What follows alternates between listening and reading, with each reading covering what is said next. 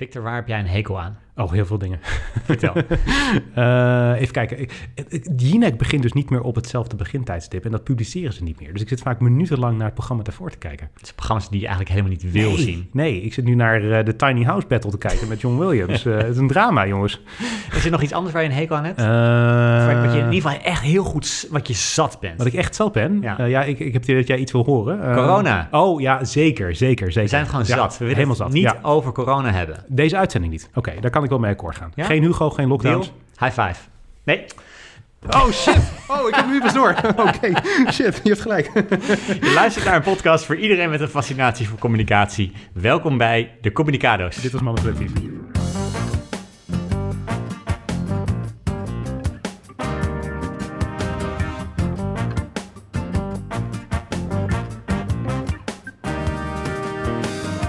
Welkom bij de show. We hebben in deze editie van de Communicado's weer een druk en uh, leuk programma voorbereid. We gaan het hebben over Margriet van der Linden. Die is terug met haar dagelijkse talkshow M. Eindelijk weten we waar de M voor staat. Mega veel interrupties. Dit is echt heel slecht. Al na 2,8 seconden interrumpeerde zij gast uh, deze week. Uh, daar gaan we het over hebben. We gaan het hebben over uh, Richard Thaler. dat is een Nobelprijswinnaar. En hij heeft in zijn nieuwe boek geschreven over hoe we onszelf kunnen nudgen naar klimaatneutraal gedrag. En als je op een podium staat, krijg je veel reacties van mensen. Het is politiek correct om te zeggen van, nou, daar ben je allemaal heel erg blij mee, bla bla bla bla. Maar het is ook lastig om daarmee om te gaan. De vraag is, hoe ga je goed om met de grote hoeveelheden feedback die je krijgt als je een spreker in de media of op een podium elders staat? Hoe kun je daar op een goede manier op inspelen? Dat en al die andere onderwerpen worden hier vandaag besproken. Vergeet je niet te abonneren en te recenseren. Daar zijn we natuurlijk altijd hartstikke blij mee. En laten we beginnen bij de onzin van Simon Sinek. Lars, dit is een uh, levende legende voor uh, heel veel mensen. Ja. Het is iemand die een hele beroemde TED-talk heeft gegeven. Uh, The Golden Circle, Start With Why. Maar ja, wat ik zei, de feitenvrije onzin, daar, daar blijkt weinig van te kloppen. Ja, eens. Want heel veel mensen kennen hem van de why, how, what. En hij zegt van je moet altijd beginnen met een why, want dan ben je succesvoller. Dan kan je je bedrijf veel beter uitdragen. En daar is inhoudelijk wel wat over te zeggen. Net als overigens wel bij meer TED Talks. Want als je nu kijkt bij, bij TED Talks, heb je enig idee wat de populairste TED Talks zijn die er zijn? Uh, ja, dat weet ik wel. Even kijken, volgens mij de, de allerpopulairste weet ik. Dat is uh, Ken Robinson met How Schools Kill Creativity. Ja, Sir Ken Robinson. Ja, zeker. zelfs. Zeker, Ja. dat is overleden ook trouwens. Ja. Um, Tim Urban zit ook in die top 5. Een oude deelnemer van The Apprentice van Donald Trump. Uh, grappig genoeg trouwens. Dat jij dat dan weer weet. ja, nee, ik heb toen die Apprentice gekeken. Dus als ik, als ik Tim Urban voorbij zien komen, kan ik de, de, niet, niet anders dan aan Apprentice denken. Um, verder Amy Cuddy met haar uh, power poses. Die staat er volgens mij ook in. Ja. Uh, en als, dan uh, ja, een, een, hele grappige vent, James Veach. Uh, dat is echt, ik vind echt een van mijn favoriete comedians. Dus Ja. die staat er ook in. En de Simon Sinek. Ja, Met zijn, eh, met zijn How Great Leaders Inspire Action. ik ben trouwens best wel onder de indruk van het feit dat ik deze top 5 zomaar even weet op te ja, dat, dat doe je goed. Jij, zit elke dag te kijken naar de populairste Ik hou ja. eh. Heel goed. Heel goed. Ja, want er staan best wel wat TED Talks in de top... waarvan licht dubieus is of wel klopt wat, uh, wat gezegd wordt. En dat uh, heel veel mensen die hebben misschien ook wel gehoord van Amy Cuddy. Die, die zegt dan dat als je een power pose aanneemt... en dat je een beetje zo'n macho pose neemt... dat je testosteronniveau wat omhoog gaat... dat je uh, cortisolniveau wat omlaag gaat... dat je zelfvertrouwen krijgt. Dus hij adviseert mensen voor een belangrijk gesprek... even twee minuten een bepaalde houding aannemen en het gaat beter. Ja, bij een sollicitatiegesprek bijvoorbeeld, ga er even stoer bij zitten en dan ga je met meer zelfvertrouwen dat gesprek. Ja, één probleem.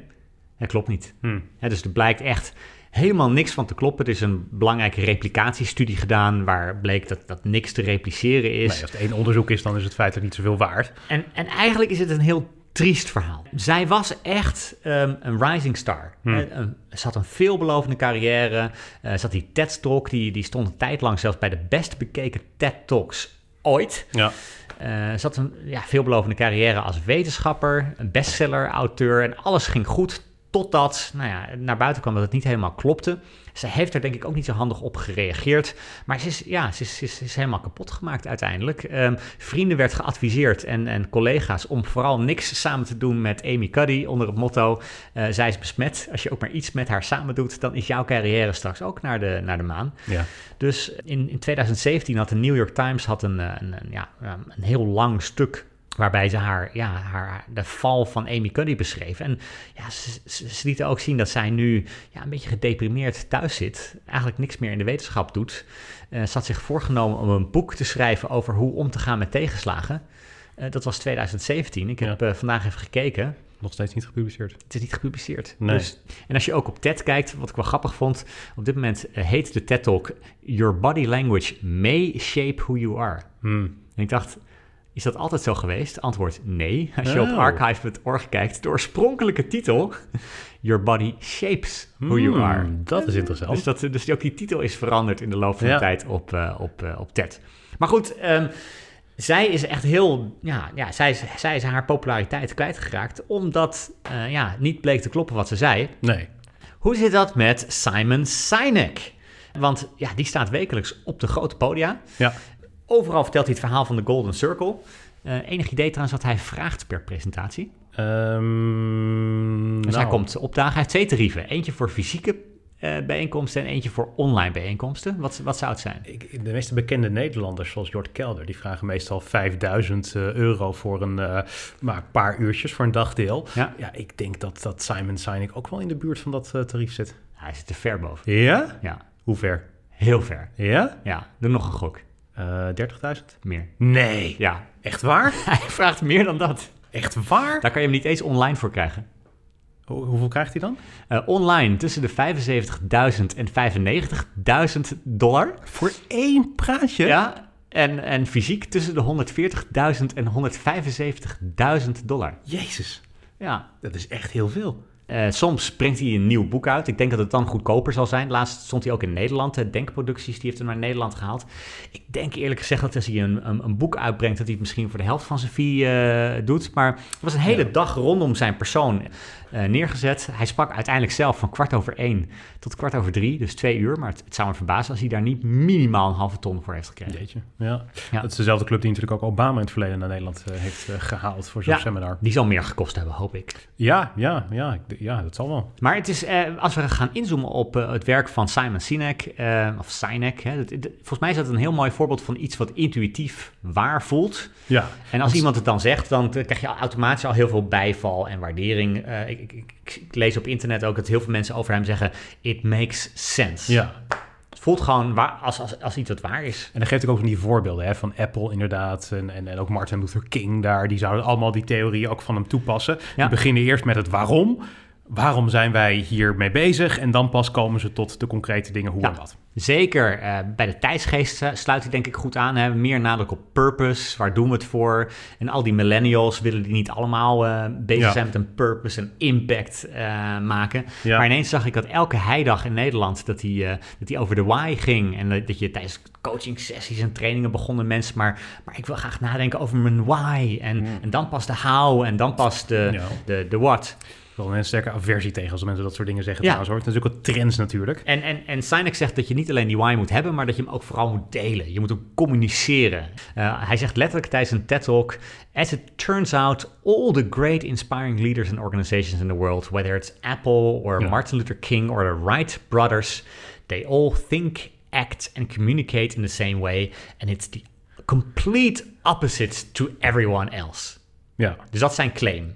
ja. Je, maar, moet, je moet echt die Ja. why communiceren... want dat maakt echte leiders anders dan anderen. maar we zijn nu tien minuten bezig. En jij zegt van eh, dit eh, klopt eigenlijk eh, niet. Dit is eigenlijk gebaseerd op helemaal niets. Nee, het klopt, het klopt eh, totaal niet. Ik ben, er, ik ben er ingedoken van eh, wat, wat is, het, is het bewezen?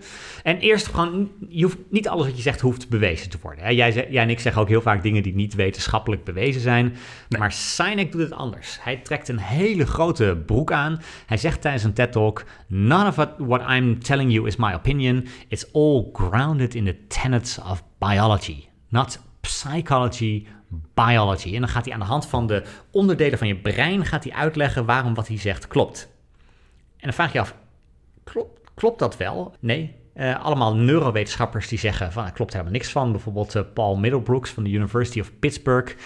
Um, die zegt letterlijk van, uh, uh, if you're referring to Sinek's claim that the limbic brain does why and the how and the cortex does what, this is another example of someone co-opting popular science, brain science to tell a story without regard for accuracy. I have a neuroscience PhD and I can tell you we do not understand brain systems anywhere close to the point to make a claim like that. It's laughable. Oké, dus dat vind ik wel interessant inderdaad. Dus hij zegt niet alleen het klopt niet, we zouden het ook gewoon niet kunnen, kunnen weten. Dit is niet waar de wetenschap is op dit moment. En er is geen enkele neurowetenschapper te vinden die zegt van wat Simon Sinek zegt, dat, uh, dat klopt. En wat het eigenlijk extra pijnlijk maakt, hij heeft een boek geschreven natuurlijk, hè, waar, waarbij hij het ook probeert te commercialiseren. En in dat boek geeft hij zelf af op pseudowetenschap, terwijl zijn hele hm. essentie dat is, dat is allemaal gewoon pseudowetenschap. Het is niet eens wetenschap. Het is gewoon een, een claim op basis van, van, van, je, van je brein. En hij kan het niet hard maken. En dat, dat geldt eigenlijk ook voor de voorbeelden die hij uh, aangeeft. Want hij zegt van Apple is zo succesvol omdat ze haar why overal communiceert. Intuïtief vind ik dat overigens wel een van de betere voorbeelden. Want ze hebben natuurlijk wel die Think Different uh, campagne gehad in het verleden. Dus dwarsdenken wordt daarmee gepromoot. Er zit bij Steve Jobs ook altijd een filosofie in van wij willen de wereld beter maken. Dus, dus, je ziet dat, dus dat, dat herken ik daar wel een beetje in terug. Ja, maar als je nou de, de, de, de website van Apple bezoekt, uh, zie je daar dan bijvoorbeeld een why terugkomen? Ik, ik, heb vandaag de website van Apple bezocht. Heb je even wat er nu op apple.nl staat? Ja. Uh, ja, ik vermoed de meest recente product uh, launches. Dus ja. dat zal de iPhone en de, i, de Apple Watch zijn en zo. Laten we er voor iedereen een feest van maken. Shop cadeaus. En daaronder staat dan iPhone 13 Pro. Ja. Oh, zo ja. Pro. Dat is niet echt de why. Dat is niet echt de why. En toen dacht ik, nou, maar laten laat we hem een beetje... Let's give him some slack, want deze TED-talk kwam uit september 2009. En misschien stond er toen wel wat anders op de website van, uh, van, van Apple. Wat stond er toen? Je kan via archive.org, dat allemaal terugzoeken. macOS Snow Leopard now available. Hmm twee maanden eerder. Uh, de iPhone 3GS, the fastest, most powerful iPhone yet. En het enige wat werd benadrukt is, kijk eens hoe goed onze producten zijn. Ja. Er stond nergens iets over de, de, de why. Uh, ik vond het wel grappig om terug te kijken. Uh, een, een, van de claims die dan in juli 2009 op de website stond. Let Compass navigate you in the right direction. Hm. Mooi was die tijd dat Apple claimde dat er zo'n goede kompasfunctie op de iPhone zat. En dat je oh, de kompasfunctie kon gebruiken om te kijken welke kant je op moest. Ja. ja. Dus uh, dat klopte al niet. Uh, dan zitten er heel veel logische, denk, uh, logische denkfouten in, in zijn verhaal. Want zelfs als het verhaal van Apple correct was geweest, en dat is dus niet zo, dan zit in alles wat hij zegt zit een heel duidelijk een survivorship bias. Apple is heel succesvol.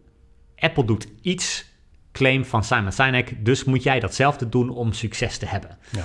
En dat, dat wordt in de wetenschap wordt het ook wel een survivorship bias uh, genoemd. Want er zijn heel veel bedrijven die waarschijnlijk hetzelfde hebben gedaan, maar geen succes hadden. Nee. Dus, dus, er zijn in Nederland zijn er een hoop bedrijven die zichzelf naar fruit hebben vernoemd. Ja. Uh, net als Apple. Ja. Uh, maar, maar, die hebben geen succes. Nee. ik, ik, zag bijvoorbeeld in de Kamer van Koophandel, je hebt Bureau Banaan uit Ede ja, niet, niet het grootste voorbeeld van een succesvol bedrijf, terwijl ze zich toch naar fruit hebben vernoemd. Dus misschien kun je, helpt het niet om alles te doen wat Apple doet. Want dat is een survivorship bias. Hè? Dat je uiteindelijk alleen maar uh, kijkt naar de bedrijven die groot zijn geworden en dan gaat kijken uh, wat, wat, wat hebben zij gedaan. Ja. Maar daarmee vergeet je dat heel veel bedrijven dezelfde strategie hebben gevoerd en daar geen enkel succes mee hebben gehad. Uh, dus dan is vermoedelijk die strategie niet de reden van een succes. Ja, dus uh, dat zie je bijvoorbeeld in, uh, op podium zie je ook dat Olympische sporters bijvoorbeeld een verhaal vertellen. En dan zeggen ze, nou, ik heb echt heel hard gewerkt. En nu heb ik goud. Ja. Terwijl er waarschijnlijk ook net zoveel sporters zijn die als laatste zijn geëindigd. Of niet eens de Olympische Spelen hebben gehaald.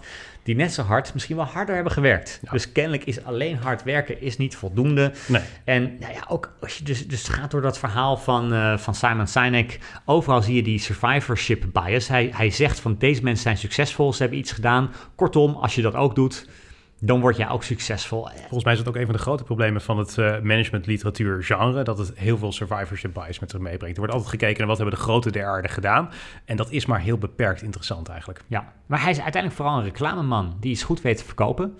En zoals sommige andere suikerwater weten te verkopen voor 2 euro per liter. Uh, zo brengt hij zijn cirkels aan de man die, die uiteindelijk niet heel veel nuttiger zijn dan een graancirkel. Ja. Uh, wel wat minder mysterieus, maar ja, het, stelt dus allemaal niet zoveel voor. Dat Neurowetenschappers zijn het er dus niet mee eens met die analyse. Dat is uiteindelijk de conclusie. En daarom uh, is het uh, niet uh, juist en klopt het niet. Ja, nou goed, tot op heden is hem hetzelfde lot als Amy Cuddy dus bespaard ja. gebleven.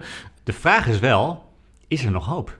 Ja, Is er nog hoop voor Is Simon? Sinek? Ja. behalve dan dat hij anderhalve ton krijgt per, eh, ik per zeggen, lezing. eh, financieel gezien is er heel veel hoop eh, voor eh, Simon. Ik, ik hoop dat hij gespaard heeft. En de Harvard Business Review van uh, anderhalf week geleden Uh-huh. leek wel uh, goed nieuws te brengen voor hem. Want er is in ieder geval iets, al is het een subonderdeel, wat, uh, wat, wat lijkt te kloppen. Mhm. Ja, dus, dus het is eindelijk iets van bewijs, niet op basis van zijn oorspronkelijke argumentatie. Nee. Maar wat hebben ze gedaan? Ze hebben gekeken naar um, hoe je een overtuigende pitch het beste aan de man kan brengen. En dan hebben ze, wat hebben ze gedaan? Ze pakten zo'n slide deck, dus allemaal slides van een, van, een, van een ondernemer die een bedrijf pitcht. Ja.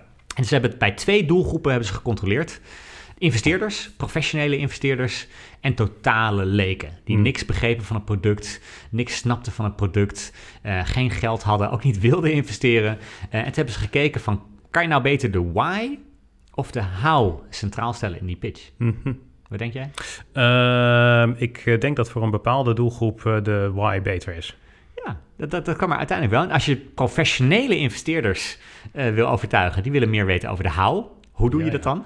Dus die willen gewoon concreet ter zake komen. Die weten al waarom je het doet en zo. Ja. Die willen gewoon directe details hebben. En absolute leken die helemaal niet van plan waren eigenlijk om te investeren in, jouw uh, in jouw product, die vinden de why wel Die moet interessant. je meenemen in het grotere verhaal, zeg maar. Ja, Ja, kan Ja, ik me iets dus- voorstellen. Ja. dus de why blijft, blijkt eigenlijk effectiever bij mensen die toch al niet van plan waren om in je product te investeren.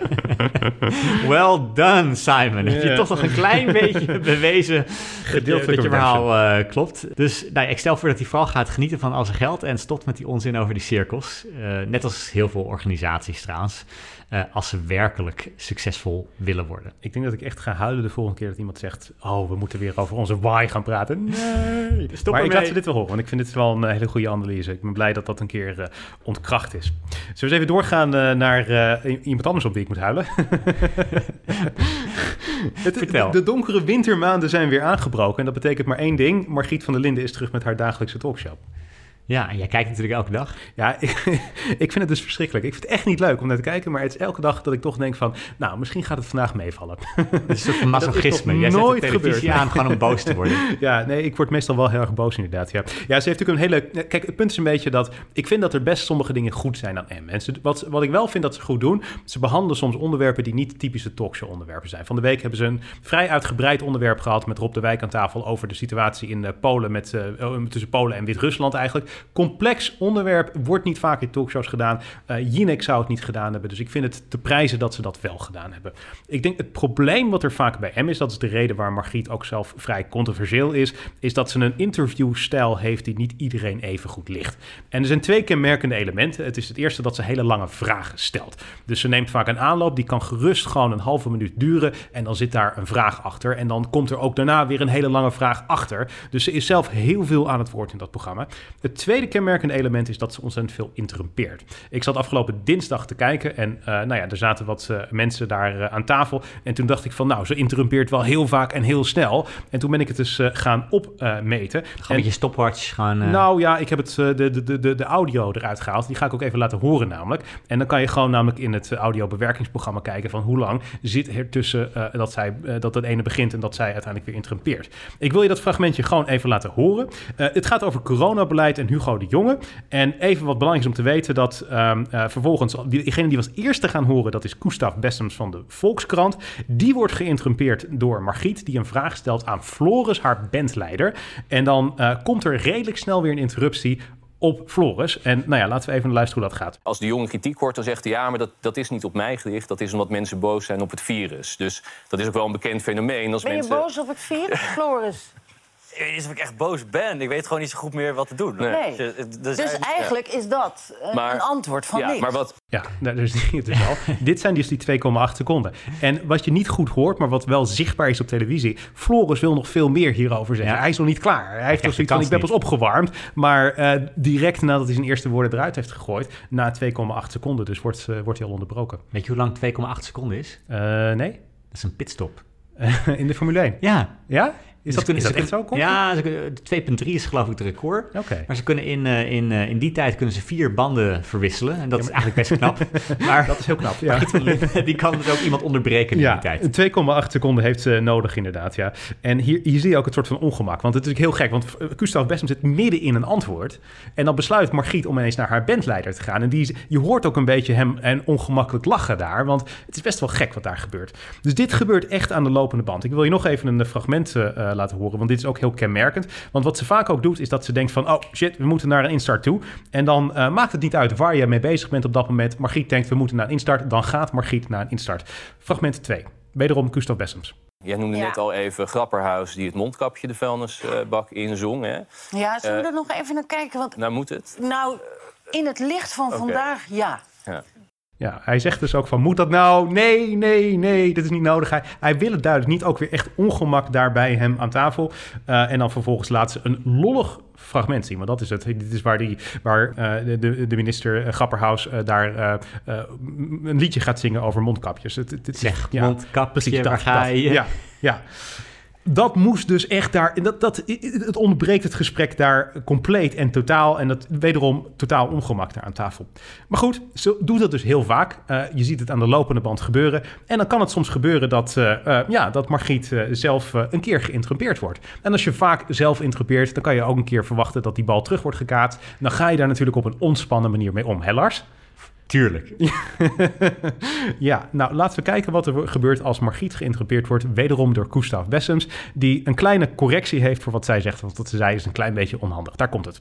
Ehm, we zien rijen eh, bij al die locaties. Dat, eh, dat is dan weer... eh, Ja, rijden wat- is goed, hè? het, Dus, het is eh, goed, maar dus- er, er, er gaat ook van alles... Nee, het, het is heel erg eh, treurig. En ik hoop eigenlijk... maar de jongen, dat wil ik even afmaken, minister De Jonge zegt... nou, het gaat eigenlijk best goed.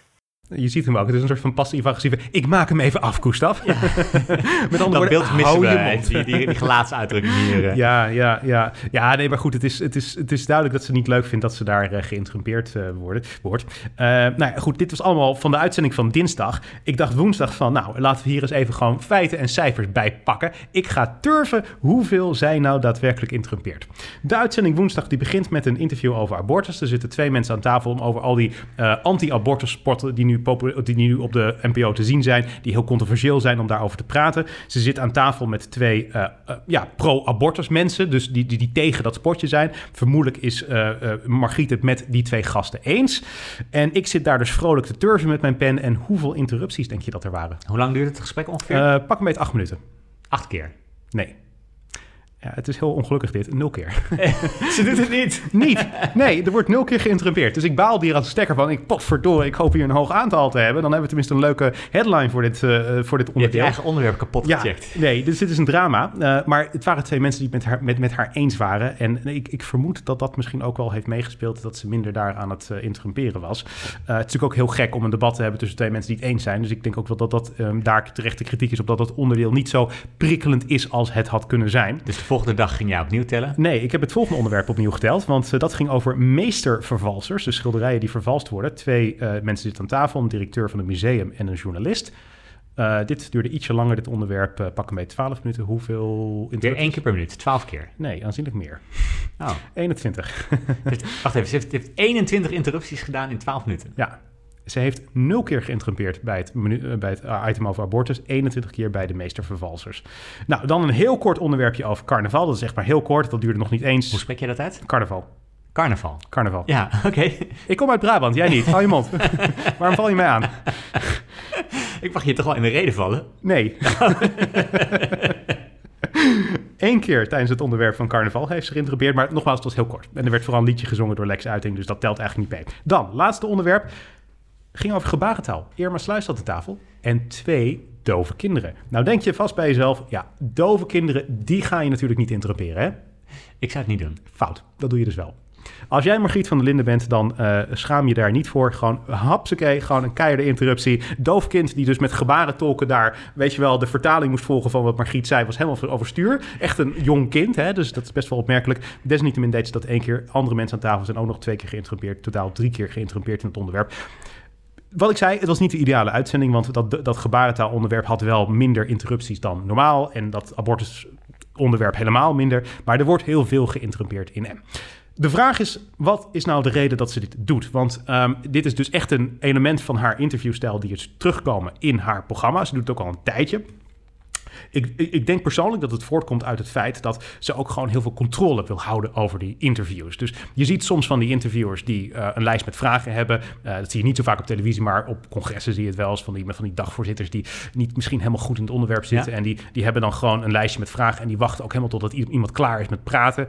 Ja, dat is natuurlijk het tegenovergestelde daarvan. Die hebben geen enkele controle over dat gesprek. Margriet wil denk ik meer controle over dat gesprek houden. En daarom is ze ook heel sterk aan het regisseren. Dus zij stelt vaak ook hele gesloten vragen die mensen ook echt een bepaalde richting induwen. En dat betekent feitelijk als gast daar dat je echt gewoon ja, kunt zeggen, min of meer waarschijnlijk wat jij hebt gezegd in het voorgesprek. Dat ze dat al in haar hoofd heeft zitten. Dat ze vaak ook een lange inleiding heeft. Want normaal gesproken, die, wordt, die inleiding die wordt gegeven door, door de gast daar. Maar die geeft zij dan om het maar even snel te doen. En dan kan je even die vijf of zes woorden uitspreken om je antwoord. En dan kan zij daar weer vervolgens eh, overheen komen met een nieuwe vraag het, het werkt enigszins. Talkshows zijn natuurlijk een klein beetje een soort van toneelstukje. Ja. Eh, er is interactie bedoeld om een, iets duidelijk te maken voor de kijker. Maar ja, vaak weet Margriet al van haar gasten wat, wat, wat, wat er gezegd gaat worden. En de gasten weten ook natuurlijk ongeveer wat er gevraagd gaat worden. Maar bij De Wereld Draait Door in het verleden en bij Jinek is er veel meer ruimte voor spontaniteit. Om daar ter plekke iets te laten gebeuren wat het eh, voorgesprek ontstijgt. Hè? Dus mensen zijn beter, scherper als ze daar aan tafel zitten. En dat is hetgene waar eigenlijk voor, bij M gewoon minder ruimte voor is. Dus Margriet zit er zo dik altijd bovenop. Er gebeurt niks Nee, onverwachts. er gebeurt gewoon niks onverwachts. Nee, het is altijd gepland. Dus de momenten die viral gaan van M... en het is natuurlijk toch de dagelijkse talkshow op NPO 1... dus het is wel een redelijk groot publiek. Maar als het viral gaat, zijn dat meestal de geplande momenten... niet de spontane momenten. En dat is denk ik hetgene wat je verliest. Dus in dat opzicht vind ik wel dat de kritiek op Margriet van der Linden... daar enigszins terecht is. Dat ze misschien daar gewoon iets meer ruimte voor moet bieden. Wat ik dacht van, misschien zit er wel continu zo'n eindredacteur in haar eh, oortje te, te, te, schreeuwen van... stoppen nu, stel die vraag, nu dit doen. Maar als ik hem zo bij jou proef, is het ook meer een soort van eh, een, een, een controle freak... Die, die totale controle over het gesprek wil hebben... en wil zorgen dat het in de uitzending precies zo loopt als in het draaiboek. Ja, ja, het is een dominantie eh, inderdaad, eh, die eh, zij daarmee uitstraalt inderdaad. En ik, ik denk dat dat ook iemand zoals Matthijs van Nieuwkerk heel erg dominant was, maar die was dat wel op een andere manier. En ik denk op iets voor mensen ook plezierige manier en ik denk ook een effectievere manier. Dus dat zou mijn voorkeur daar wel hebben. Het heeft wel echt een bizarre consequentie, want ik zag ook nog even een ander artikel langskomen deze week. Dit is niet wat ik zelf geteld heb, maar wat iemand anders had gedaan. Ad Bos was maandag in de uitzending te gast. Hij is de klokkenluider in de bouwfraudeaffaire van pak een beetje 20 jaar geleden. Hij zat in een onderwerp over klokkenluiders. Een van Slans grootste klokkenluiders. Het onderwerp duurde 20 minuten. Hij is in dat onderwerp slechts 1 minuut en 41 seconden aan het woord geweest. Nogmaals, 20 Dat is, dat minuten. is echt heel kort. Ja, dat is echt heel, heel kort. Maar hij, hij komt daar speciaal naar de studio. Hij eh, wordt Ja. er naartoe gebracht, gaat in de smink. Hij zit, zit een half uur in de smink en heeft dan... Hoe lang heeft hij iets gezegd? 1 minuut 41 seconden, ja. Ja, Dan zit hij dus, ja, zit hij dus 20 keer zo lang in de smink als in... ja het is, ik, ik moet eerlijk zeggen, als, als, als ik in een onderwerp van 20 minuten zat en ik zat echt maar 1 minuut 41 eh, seconden aan het woord, zou ik me daar echt slecht over voelen. Ja. Hoor. Ik zou echt denken dat ik daar gewoon gefaald heb. Dat ik kennelijk niks interessants te melden heb. Dat, ik, dat ik misschien mezeer, mezelf me- meer te geld had moeten maken in dat gesprek. Eh, het is bijna niet meer het waard om daarvoor naar de studio te komen. Maar het lag dus eigenlijk gewoon aan de interviewer. Nou ja, Margriet is gewoon heel veel aan het woord. En ik denk in dit geval had zij hem gewoon meer, eh, ja, duidelijk meer aan het woord moeten laten. En, en, en gewoon hem kennelijk meer vragen eh, moeten laten stellen. Oké. We gaan met een andere blik gaan we naar de talkshow kijken. Ja, nou ja, we gaan eh, precies, exact. Ja. Eh, zal, ik iets positiefs dan? Want we hebben dus Margriet van der Linden als minder goede interviewer. Maar ik wil er wel even één ding bij zetten. Want er is iemand gestopt deze week die ik juist wel weer een hele goede presentator We vond. moeten wel balans hebben in de podcast. Dat is wel goed. Hè? Dus, eh, Het is niet, ja, Een oké. positief Het is niet mijn, mijn doel. Nee, ik, ik, ik heb echt waardering voor, voor hem. Eh Jurgen van den Berg is gestopt vorige week vrijdag als presentator van het NOS Radio 1 Journaal. En dat heeft hij zes ja. jaar... van het wat? Het NOS Radio 1 Journaal. Ja. Dat is altijd de stem daar, Hans Hogendoorn. Eh, maar hij stopt als presentator. Ik vind het echt jammer. Ik vind dat echt ontzettend jammer. Ja, ik denk dat hij echt een hele schare fans heeft verzameld. Die echt gewoon eh, gehecht waren aan hem in de ochtend. Ja, ja klopt. Ja. Mijn vader is een fan. Echt waar? Ja. Dus Wa- ik- waarom is je vader fan?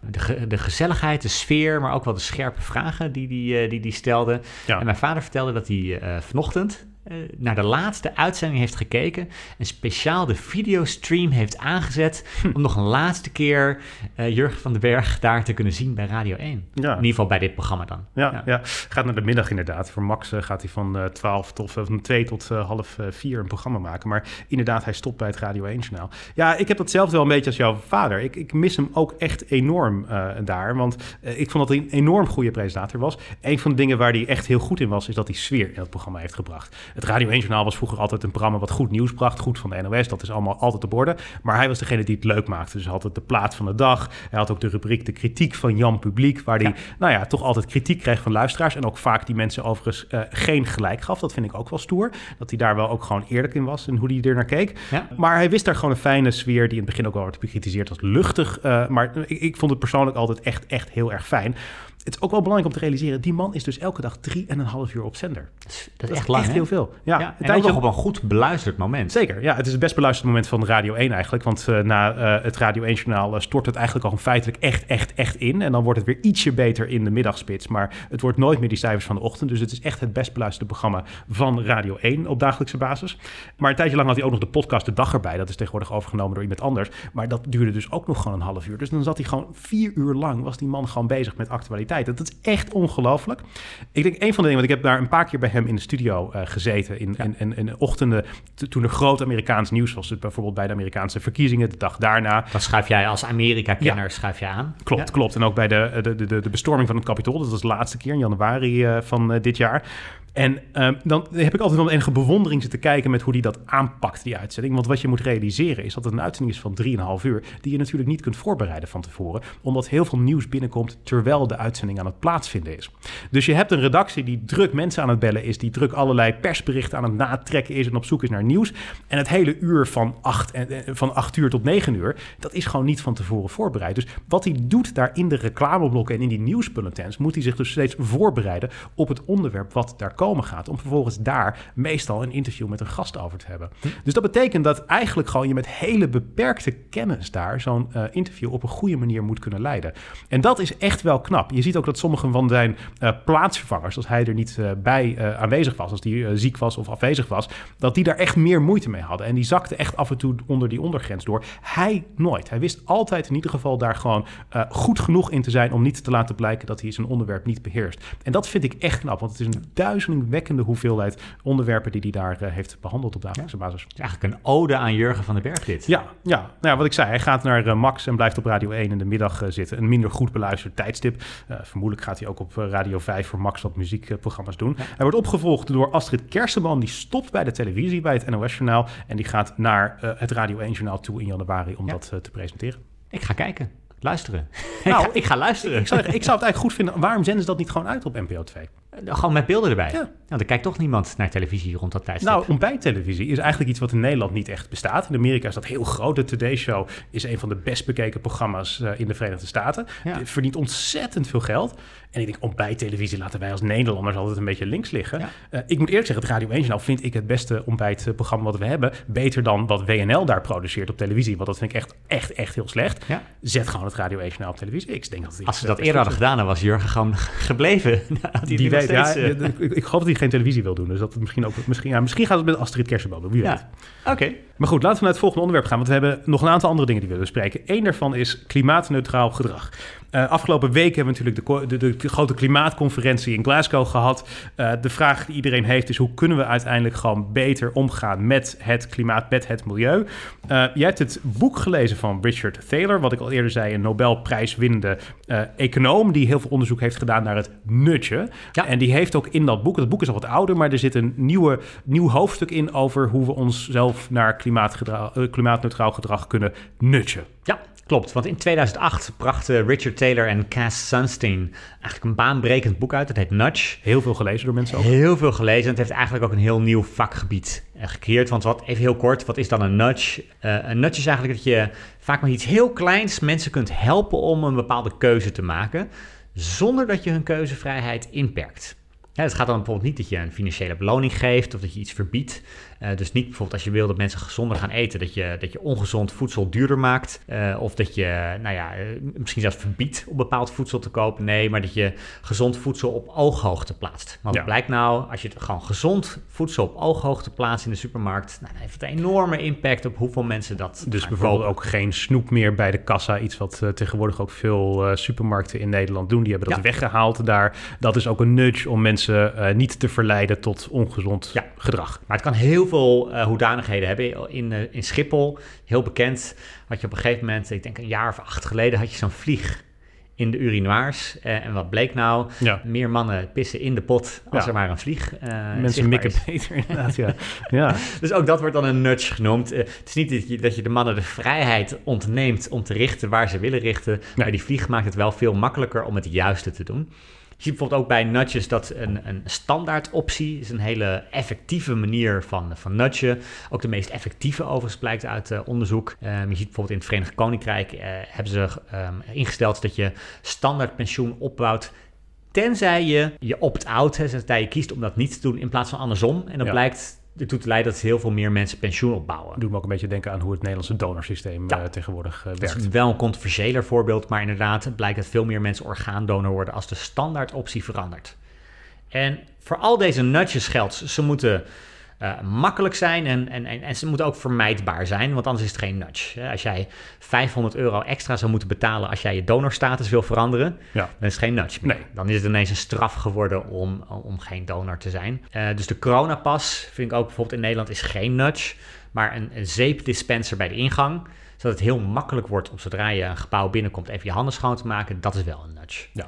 Richard Taylor kreeg ook de Nobelprijs mede voor dit, eh, voor dit werk, dit onderzoek in 2017. En er is net dit jaar, een paar maanden geleden, is er een eh, volledig vernieuwde editie uitgekomen van Nudge. Dus het is hetzelfde boek, maar dan dus wel inderdaad met updates. Ja, en daar staat dan ook heel groot op de final edition. Hè, dus dat is, Heel erg optimistisch. dan, wil, dan wil iedereen het natuurlijk wel kopen. Hè, want dit is de, de, de echt de laatste editie die ze gaan eh uit. Maar geef ze daar rechtvaardiging van? Want ik vind het wel gek dat dat er zo prominent op staat. Ja, ja. Waarom zouden ze niet op een gegeven moment met een nieuwe druk Een komen nieuwe- met eh, nieuwe wijzigingen? Ja, ze wilden gewoon echt het definitieve werk volgens mij hiermee eh, mee neerzetten.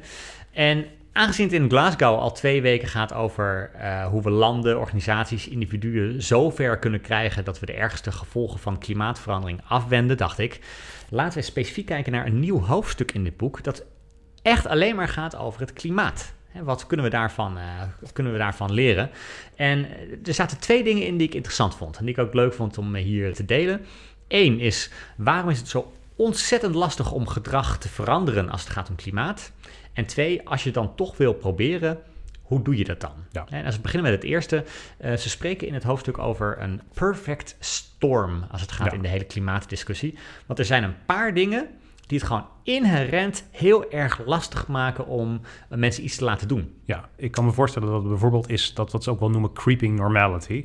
Eh, het is iets wat zo ontzettend langzaam gaat. In de praktijk zie je nauwelijks het klimaat eh, veranderen. Ja. En de effecten zijn op lange termijn heel erg groot. Maar er zit ook een onzekerheid in wat nou precies die effecten gaan zijn. Ja. Dus omdat je het eigenlijk niet op dagelijkse basis ziet, ontbreekt het mensen aan urgentie. Ja, ja absoluut. Eh, zij noemen het salience. Hè, dus de, de opvallendheid, de merkbaarheid is ook is, is heel klein. Want CO2 kun je niet zien. En gif in je achtertuin wel, maar CO2 niet. En het heeft ook wel te maken waarschijnlijk met wat je noemde met probabilistic harms, noemen ze dat. Dus waarschijnlijke schade.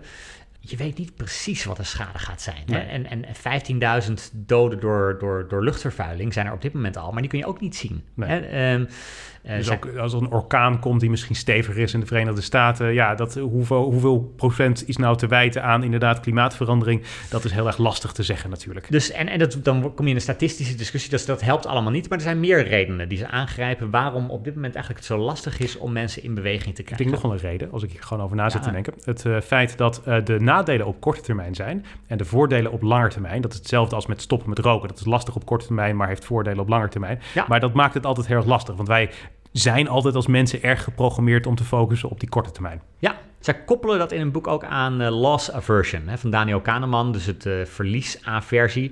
Uh, omdat mensen nu pijn voelen bij iets wat ze kwijtraken. En er zitten voordelen in de toekomst, nou weten we dat pijn sowieso dus, eh, sowieso dus al, eh, al meer met ons doet dan, dan, dan een voordeel of plezier.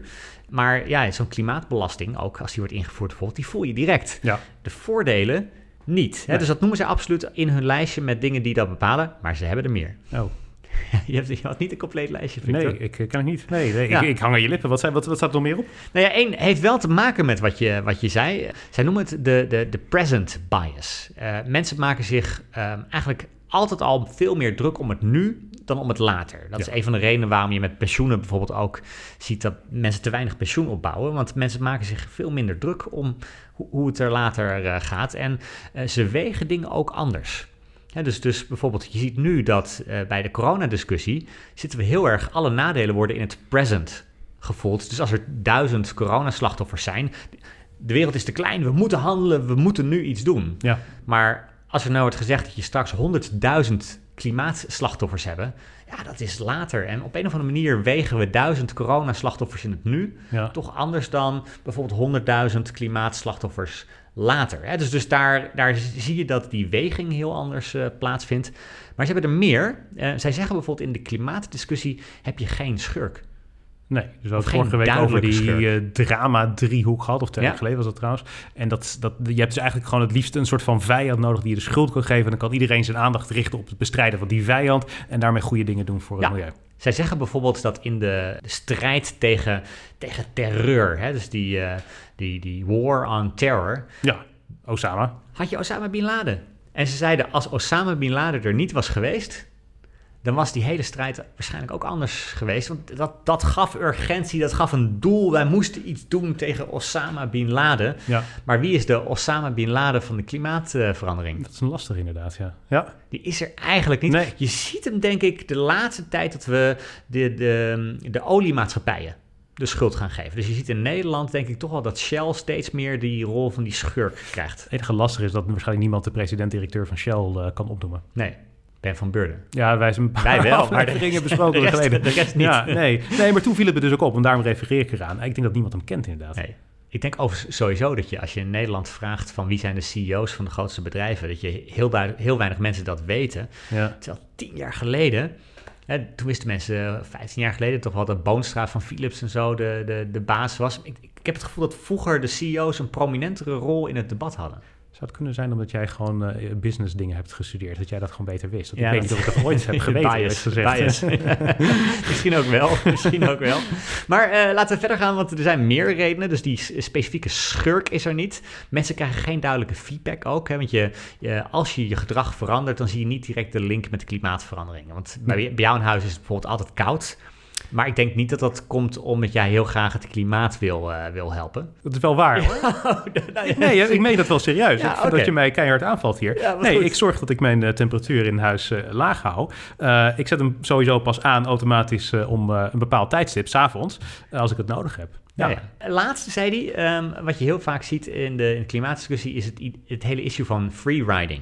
Ja, dus waarom moeten wij iets doen als China, India blijven vervuilen? ja. Eh, je ziet heel vaak als mensen het gevoel hebben dat zij een beetje gekke Henkie zijn die zich wel aan de regels moeten houden, of het Ja. braafste jongetje van de klas. Dit heb ik overigens wel met eh, vlees, eh, mensen met die vegan zijn. Als jij vegan bent, kan ik wat meer vlees eten. Ja, sorry. Oké, ik ga het niet... Oké, ga door met je verhaal. Dus dat Sorry, is het eerste wat ze benoemen in het boek. Er is, er is een soort van perfect storm met dus een, een present bias, de salience, de there's Ja. no specific villain, de probabilistic harms, the loss aversion, people do not get clear Ja, feedback Dus en eigenlijk allemaal redenen waarom het heel moeilijk is om wat te doen aan het klimaat. En dan is de vraag van, oké, is er dan iets wat we wel kunnen doen? Ja, en ze geven wat voorbeelden. Eh, want ze zeggen om te beginnen, als we beginnen met dat laatste onderwerp, die freeriding, juist om dat laatste te voorkomen zijn die klimaattoppen, zoals in Parijs en Glasgow, zo ongelooflijk belangrijk, omdat je daar met z'n allen doet. Ja. Dus dat geeft wel echt het gevoel van eh, niet alleen urgentie, maar we doen het met z'n allen. Ja. Eh, dus je bent niet als enige bezig met het, eh, met het klimaat. Dus dat is een hele belangrijke, zegt hij. En vervolgens hebben ze een aantal dingen waarvan ze zeggen dat werkt. En de grap is dat het is een boek over nudging, maar eigenlijk de eerste die ze noemen hebben niks met nudges te maken. Hm. Zij zeggen bijvoorbeeld belastingen Ja. zijn echt heel effectief. Eh, mensen in Europa rijden zuinigere auto's dan Amerikanen, gewoon omdat benzine bijvoorbeeld ja. duurder is. Inderdaad, in staat overigens waar benzine ook echt duurder is zoals Californië, zie je ook dat mensen een kleinere auto hebben dan bijvoorbeeld in Texas, waar Ja. ze van die grote F-Ford F-150 pick-up trucks rijden. Ja, en daarmee samenhangend, hè, je kan, kan natuurlijk, dit zijn individuele belastingen. Je hebt ook eh, CO2-belasting bijvoorbeeld die je kan invoeren. Ja. En daarmee samenhangend een cap-and-trade eh, Ja. systeem. Maar dat is dus inderdaad geen nudge, zoals je eerder al zei. Want eh, een nudge, dat, dat, dat moet een subtiele gedragsverandering zijn. Het moet niet iets waar je meer voor gaat betalen Ja. zijn. Ja, dus, dus, dus zij, van, zij zeggen wel dat is de oplossing, maar het is eigenlijk geen nudge natuurlijk. Meer een nudge wordt al het zichtbaar maken van besparingen. En dat, dat zie je wel ook in Nederland de laatste jaren echt veranderen. Ik had, ik, had laatst een nieuwe wasdroger eh, die ik eh, wilde kopen. En als je bijvoorbeeld op, eh op Coolblue dan kijkt, dan zie je per wasdroger hoeveel energie die bespaart per jaar. En dan zie je dat sommige die, die besparen 220 euro per jaar ten opzichte van de, de, de F-categorieën. En de andere Ja. 100 euro per, per jaar. Maar ehm, ik ben er ook wel van overtuigd, en dat, dat blijkt ook wel, mensen eh, kopen zuinigere wasmachines en wasdrogers op het moment dat je ziet hoeveel energie je per jaar bespaart. Dus, Ja. dus dat is al denk ik een voorbeeld, en, en dat noemen zij ook, van hoe mensen andere beslissingen nemen. Weet je wat nog beter is dan een eh, wasdroger kopen die energiezuinig is? Vertel. Het Geen wasdroger kopen. Waarom? Ik heb, heb jij een wasdroger, Ja. Lars? Wat ongelooflijk decadent. nee, ik heb geen wasdroger hoor. Eh, Wacht maar tot jij, tot jij een vrouw en kinderen hebt. Nou, dat gaat niet gebeuren. Maar überhaupt een wasdroger? Nee. Ja, ja, er wordt zoveel gewassen bij ons thuis. Oké, Goed. nou, ik, eh, Oké, ja, nee, eh, wacht. Ik ben het even aan het verwerken. Ga door. Ja, dan noemen ze nog iets. Ja, wasdroger. Ja, eh, dan zeggen ze, je kan ook iedereen verplichten om transparant te zijn over de uitstoot. Ook bedrijven dus. Ja. Want zij zeggen, als je kunt zien wat de bedrijven in jouw omgeving uitstoten, Mhm. dan wordt de druk op die bedrijven vanzelf eigenlijk al veel groter om er iets aan te doen. Ja, ja. Dus eh, nou, maak, maak maar heel transparant per bedrijf wat stoten ze uit. Eh, en alleen al door het transparant maken van die uitstoot, eh, zegt, of zeggen ze, verandert dat heel erg. En kom- komt er druk op die, op die vervuilers. En de laatste twee waarvan ze zeggen dat dat werkt wel heel erg goed. Eén, eh, maak groen de default optie. Dat kan je bijvoorbeeld binnen bedrijven doen door te zorgen dat het licht automatisch uitgaat. Ja. Eh, je kan het in de kantine doen door het, eh, het eten standaard veganistisch te maken, bijvoorbeeld. Ja, dat gaan we. Dat- je uit te testen. maar in Duitsland, Geen nudge trouwens. Ja. Dat vind ik wel echt keiharde dwang. in, in Duitsland eh, is geëxperimenteerd om groene energie de default te maken. Mhm. Dus de, die, ze, ze hebben een eh, randomized controlled trial gedaan daar. En daar, eh, daar was in beide situaties was groene energie iets duurder dan de, de grijze Ja, ja. eh, energie. En je zag dat eh, als grijze energie de standaard was, dan gebruikte 7,2% de groene energie. Als groene energie de standaard was, waardoor je Uh-huh. dus wel moest, expliciet moest aangeven Ja. of je het anders deed, ging die 7,2% naar 69,1%. Oké, het is nog steeds een stukje duurder dan grijze energie, maar Ja. toch gebruikte Door de standaard te veranderen. En dat zie je nu in Duitsland ook bij een aantal energieproviders. Die Ja, hebben groene energie de standaard gemaakt. En ineens zie je dat veel meer mensen voor groene energie kiezen. Eh, Zwitserland doen ze het nu ook. En je ziet dat waar groene energie de standaard wordt in plaats van de extra optie, zie je dat veel meer mensen voor groen kiezen. Ik heb trouwens ook gewoon energie hier. Heel goed. Ja, Heel ja, goed. Ja. Ja, als laatste voorbeeld eh, het zetten van de norm. Eh, dat een heel bekend ex- experiment is gedaan in, in Amerika met O-Power. Waarbij ze, eh, daar is ook een goede TED-talk eh, Alex over. Lasky is dat inderdaad. Precies, en daar zeggen ze van, eh, kijk eens hoeveel energie jij gebruikt ten opzichte van mensen in vergelijkbare huizen. Ja, dus je geburen gebruiken of meer of minder energie eh, is dan de boodschap. Ja, en, dat, ziet, dat stimuleert jou dus weer om dat stimuleert heel erg om energie te besparen. Ik krijg dat trouwens ook elke maand krijg ik een overzicht van mijn energiemaatschappij. En daar word Ja, ik afgezet tegen andere 1, 2, 3 persoons Ja, huishoudens. inderdaad, want dat is wat ik merk. Het is niet eh, ten opzichte van mijn buren, maar het is ten opzichte van andere huishoudens Ja. inderdaad. Ja, en je ziet dat als mensen dat dan eh, zien, dan gaan ze eerder eh, ja, stroom en energie besparen. Want je bent niet langer gek Henkie. Maar ja, het wordt een soort van wedstrijd. Je wilde beter doen dan de anderen. Ja, ja. Dus dat geven zij als optie. Ze zeggen er wel heel duidelijk bij: nudges zijn niet het wondermiddel. Er zullen heel veel dingen moeten gebeuren. Waar mede daardoor hebben ze waarschijnlijk ook die belastingen en die cap and trade aangegeven. Nudges werken ook zelden universeel. Hè, dus je moet echt uitproberen wat werkt wanneer eh, en wanneer niet. ja. Eh, je ziet bijvoorbeeld in Amerika bij die hele grote O-Power onderzoeken, waarbij ze hebben gekeken van wat, wat doen jouw buren. Dat als bijvoorbeeld één republikein in een democratische wijk woont, Mhm. en die krijgt, jij gebruikt, jij gebruikt meer energie dan alle democraten om je heen. Wat denk je dan dat er gebeurt? Ik denk dat die republikein trots is. Ja, Gaat hij nog meer gaat- gebruiken? Gaat meer energie gebruiken. En, je- en, je- en je ziet Dat ook dat vooral in, eh, in, eh, in, in rijkere wijken dat dat, dat, dat heel goed, eh, goed werkt. Dus het werkt niet altijd. Nee. Die nuances moet je altijd erbij bij vertellen.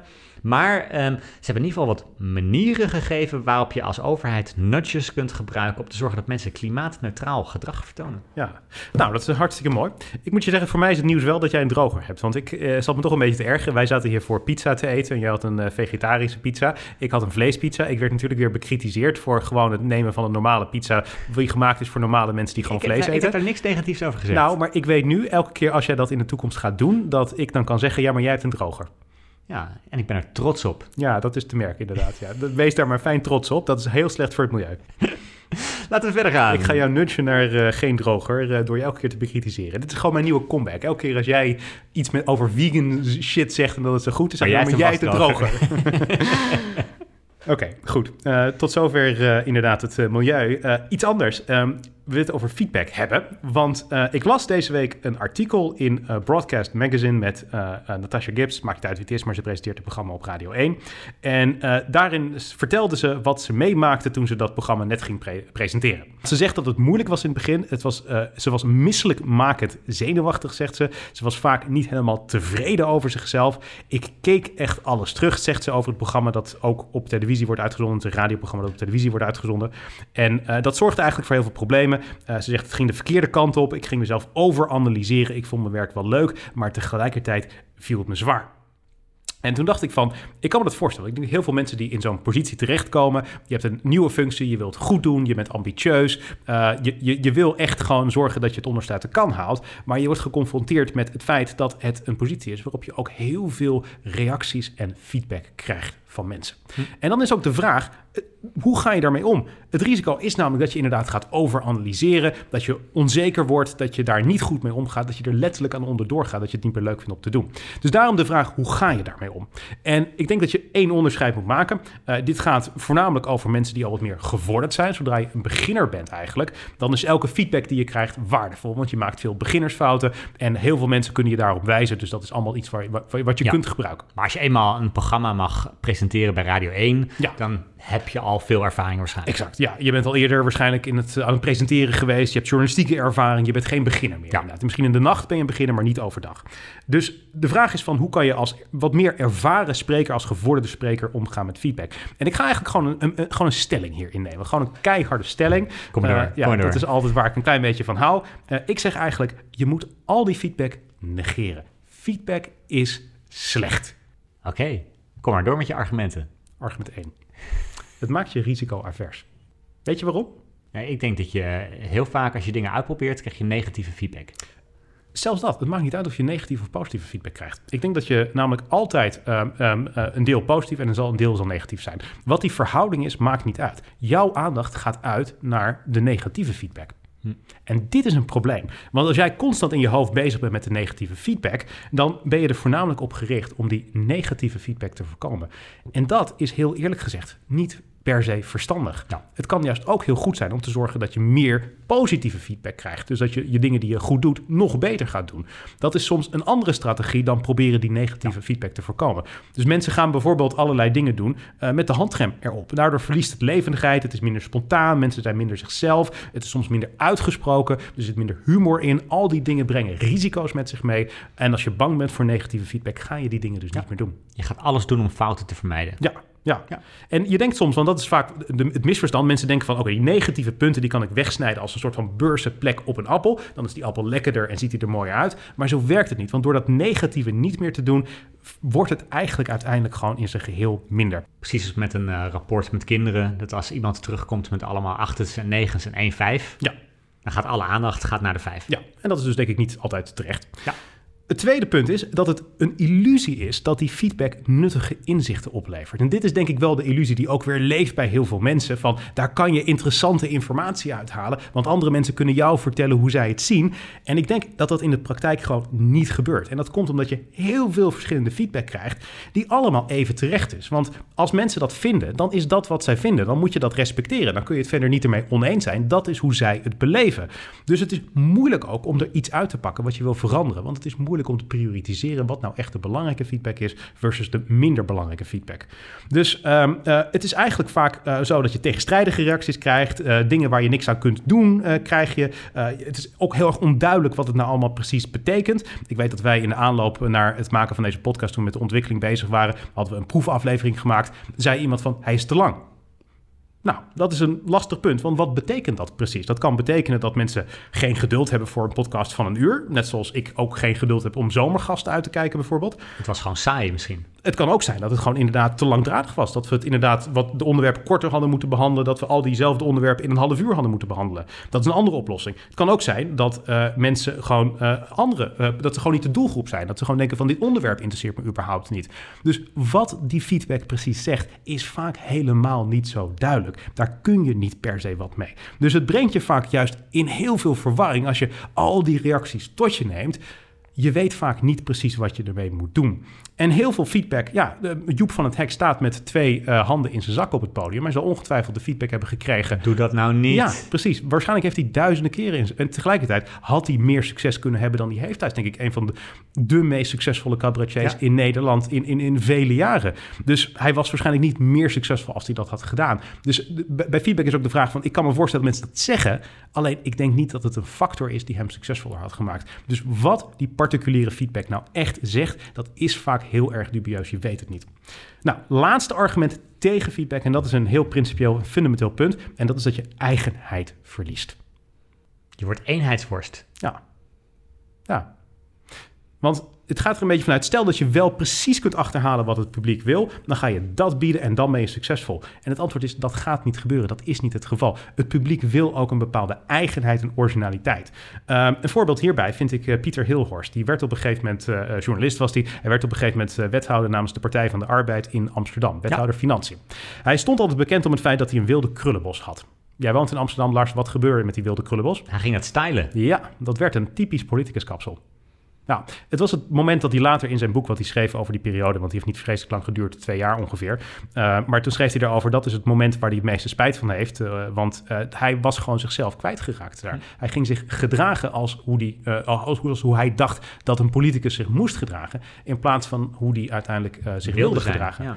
En dat is een probleem. Je hebt volgens mij eigenheid nodig om echt een publiek aan je te kunnen binden. Hij is dus ook niet succesvol, wat ik zei, heeft het maar heel kort gedaan, is inmiddels weer de politiek uit. Uh, maar als jij een publiek duurzaam aan je wil binden, dan heb je ook gewoon negatieve eigenschappen nodig. Mensen accepteren dat. Ook van vrienden accepteren dat we negatieve eigenschappen hebben. Dus uh, het is helemaal niet erg om ook gewoon ja, daar open over te zijn. Dat je niet perfect bent, dat je ook van die van die, van die scherpe randjes misschien hebt. En uh, een ander bekend voorbeeld hier in het kader is natuurlijk De Wereld Draait Door. Die muziekminuut, die was ook echt gewoon een moment waarop kijkers afhaakten. Uh, het was maar één minuut, maar kijkers vonden het toch verschrikkelijk. Ja. Matthijs van Nieuwkerk heeft dat doorgezet. En uiteindelijk, ja, je kunt er veel van zeggen, maar ook De Wereld Draait Door is natuurlijk een enorm succesvol programma geweest. Omdat als geheel klopte het gewoon. En ik vergelijk dat dan met de programma's als Shownieuws.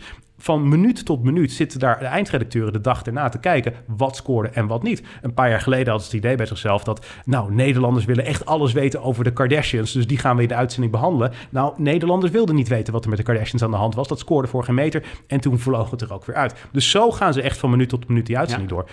Maar het interessante is, Shownieuws heeft een publiek van 3 à 400.000 kijkers elke avond.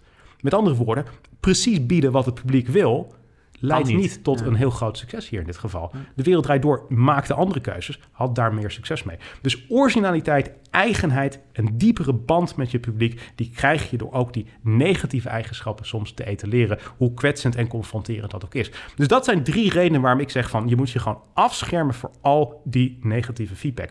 En ik heb als laatste nog gewoon even nagedacht... van ja, wat moet je dan wel doen? Wat is nou een goede manier om ermee om te gaan? Nou, in de wereld van NLP, waar ik niet verschrikkelijk veel mee heb, neurolinguistisch programmeren. Ja. Ik vind het altijd een beetje zweverig. Ik, ik, ik, heb er niet heel veel mee. Maar er, zijn, uh, er is een term waarvan ik denk dat die wel goed is als je kijkt van hoe ga je met dit soort dingen om. Ze hebben het over een internal frame of reference of een external frame of reference.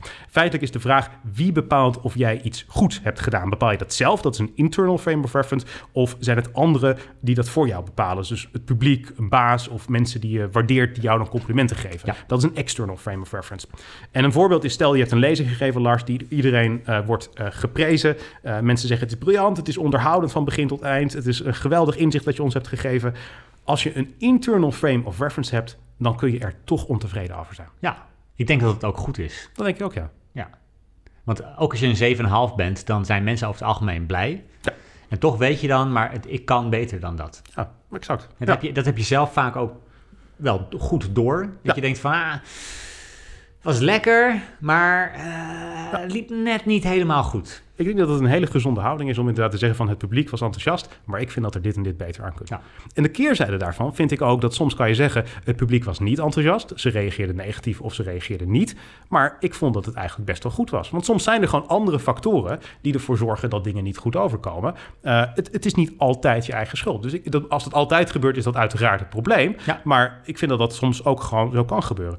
Dus eigenlijk is het goed om een internal frame of reference te ontwikkelen. Dat je je eigen criteria neerzet voor wat vind ik dat uiteindelijk eh, succesvol, of wat nodig is om succesvol te zijn in deze situatie. En toets jezelf daaraan. En dan maak je het eigenlijk voor jezelf fijner, want je, je zit niet meer vast aan al die feedback van andere mensen, die gewoon ook best wel willekeurig is, die af en toe ook wel alle kanten uitschiet, die je niet altijd van tevoren goed kunt voorspellen. Ja. Dus het maakt je eigenlijk ook nog gelukkiger. Het nadeel is wel dat het ertoe kan leiden dat je een beetje een plaat voor je kop hebt. Dat je wordt gezien als iemand die nou ja, misschien wat koppig en eigenwijs is. Ik moet je zeggen, ik heb een hele sterke internal frame of reference. Ik denk dat dat ook wel een punt is waarop wij van- mening of van elkaar verschillen qua karakter. Jij hebt meer, het we zitten denk ik bij de, ik dat voor iedereen geldt, ergens in het midden, maar jij zit veel meer aan de external frame of reference kant.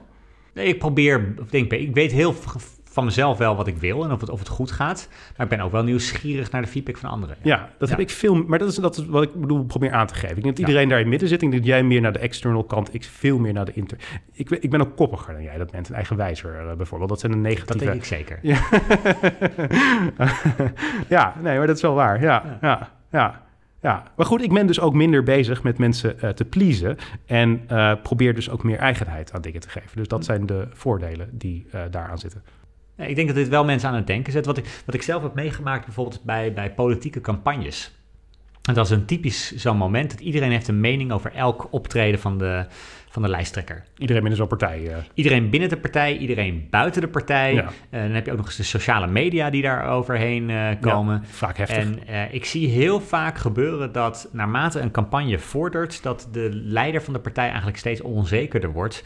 Doordat je niet alleen heel veel feedback krijgt, vaak ook heel veel negatieve feedback, maar erger nog tegenstrijdige Ja. feedback. Ja. Dus je, je krijgt een appje van de een die zegt, wauw, goed gedaan, vooral dit. En dan, Ja. en dan krijg je een minuut later krijg je een appje met, oeh, dit was toch niet zo'n goed punt. En dat ging over exact datzelfde punt dan. ja. En ik merk dat daar mensen dan vaak eh, onzeker over worden. Eh, de campagnes waar ik zelf aan heb meegewerkt, waar dat het beste ging. Kan je namen noemen? Ik mag, ik mag geen namen noemen. Maar wa- even, even, want ik, voordat je het verhaal hebt, waarom mag je geen namen noemen? Want dat is misschien Wij willen dat liever niet. Nee, want je, Je, je, je moet bent ook, niet- je moet vaak echt een. Want je bent niet verbonden aan die partij. Dat Ja. is ook, dus je bent meer een trainer in plaats van gewoon iemand die Ja. een loyalist is aan En die je, moet, partij. en je moet het ook vaak echt een document ondertekenen waarbij je dat niet naar buiten brengt. Ja, valt maar, onder het kopje mediatraining. Dat ligt vaak gevoelig. Ja, ja en, maar daar zie je dus wel gebeuren dat de partijen of de campagnes waar het het beste ging, waren precies die eh, campagnes waarbij de, de, de partijleider zich echt afsloot voor de feedback van de buitenwereld. Eén iemand aanwees en zei van, Vertrouweling. één vertrouweling aanwees en zei, eh, als je iets hebt, neem het met die persoon op. Ja, En alleen met die vertrouweling dan over de feedback ging praten. ja. Ja. En ik denk dat dat wel goed is. Dat je een soort van Ja. filter plaatst. Je wijst één iemand aan, die mag alle feedback verzamelen. Ja. En de rest, laat maar, li- laat maar zitten. Lijkt me goed, ja. Dan kan hij een goede selectie maken inderdaad van wat eh, er echt toe doet inderdaad.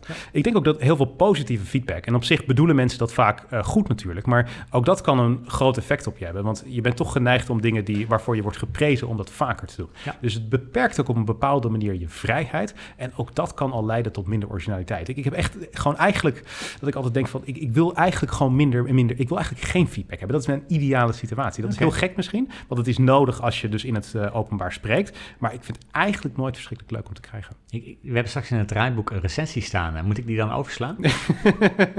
nou ja, ik wil zeggen, laten we er maar naartoe gaan. Nou, weet je, ik- nee, dat, dat is één ding anders. Ik vind eh, de feedback... eh, eh, Van, van onze ja, luisteraars, van jullie, dat Nou, nemen we wel serieus. Ik vind het gesprek met de luisteraar daar wel interessant. En dat vind ik altijd wel goed om te hebben. Maar laten we dat inderdaad, laten we daar zeker heen gaan. Want dit was mijn punt over feedback. We Ja. hadden inderdaad een recensie die erbij is gekomen. Ja. Ik, ik moet eerlijk zeggen, ik, ik ben zeer tevreden. Dus laten we hem Ja. ook gewoon even helemaal integraal voorlezen. Het liefst even met een gedragen stem, zodat we er allemaal van kunnen genieten. Want het is een vijf sterren Het recensie. is een vijf sterren recensie van eh, Danny J. Fantastische jongen. Ja, Die zegt subscribed, uitroepteken. Oh, wat een fantastisch jongen.